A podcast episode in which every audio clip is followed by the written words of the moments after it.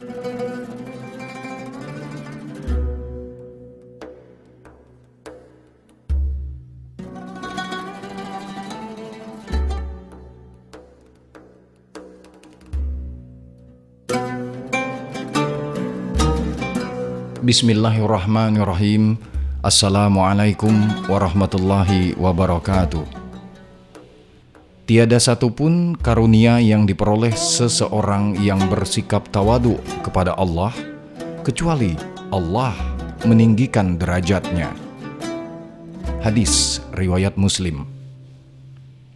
Hadis tadi menjamin ganjaran yang bakal diterima seseorang jika tawadu. Menghilangkan kesombongan tinggi hati, merasa hebat, dan segudang penyakit hati lainnya. Rasulullah Shallallahu Alaihi Wasallam bersabda, tidak masuk surga orang yang di dalam hatinya terdapat kesombongan, walaupun seberat biji sawi. Hadis riwayat Abu Daud. Manusia diciptakan untuk beribadah kepadanya Pemahaman yang benar terhadap hal tersebut seharusnya tidak melahirkan orang kaya yang merasa lebih hebat dibanding lainnya. Pejabat merasa lebih terhormat ketimbang rakyat biasa. Kiai merasa lebih benar daripada santrinya, atau generasi tua merasa lebih tahu ketimbang yang muda. Hadis tadi seharusnya cukup membuat kita sadar dan takut. Solat, puasa, zakat, haji, dan segudang amal soleh lainnya tidak menjamin kita masuk surga jika di dalam hati kita masih ada setitik kesombongan. Bahkan pejabat setingkat presiden pun tidak berhak sombong. Hal ini dikisahkan dalam hadis riwayat Ibnu Majah.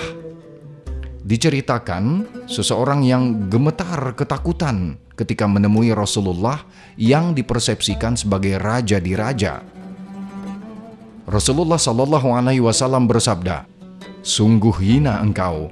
Sesungguhnya aku bukanlah seorang raja. Aku hanyalah anak seorang wanita yang memakan dendeng di Makkah."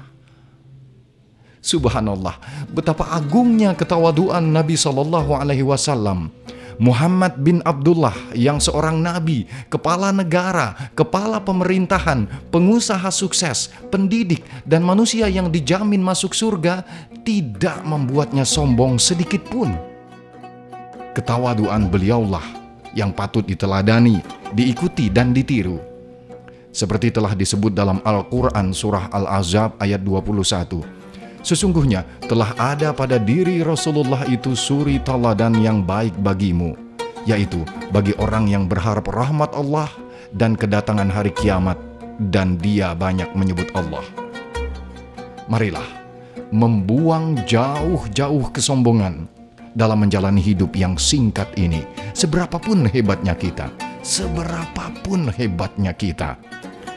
Karena sesungguhnya kekayaan, jabatan, ilmu, tubuh yang sempurna, wajah yang cantik, kecerdasan, dan bahkan anak istri kita adalah milik Allah yang dititipkan pada kita. Sesungguhnya, orang yang berlaku tawadu zaman sekarang ini sangatlah sedikit. Apakah kita termasuk di antara mereka? Terima kasih telah mendengarkan. Semoga bermanfaat. Alhamdulillahi Rabbil Alamin. Subhanakallahumma wa bihamdika Ashadu an la ilaha illa anta. Astaghfiruka wa atubu ilaik. Wassalamualaikum warahmatullahi wabarakatuh